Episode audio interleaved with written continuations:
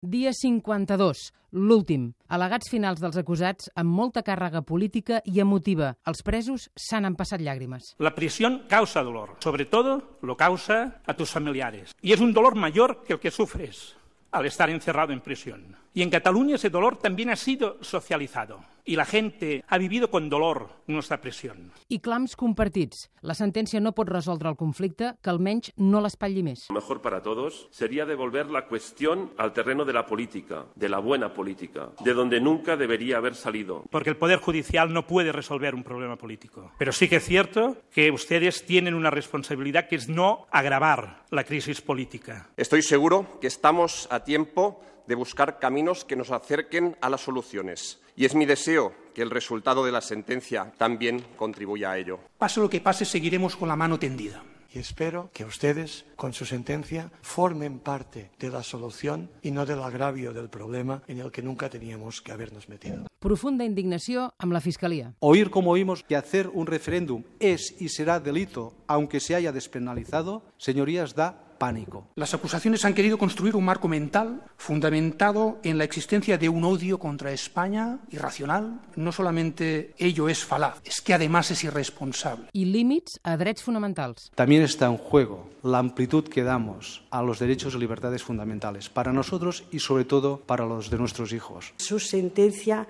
no será solo mi libertad, sino que será la libertad en mayúscula de muchas generaciones.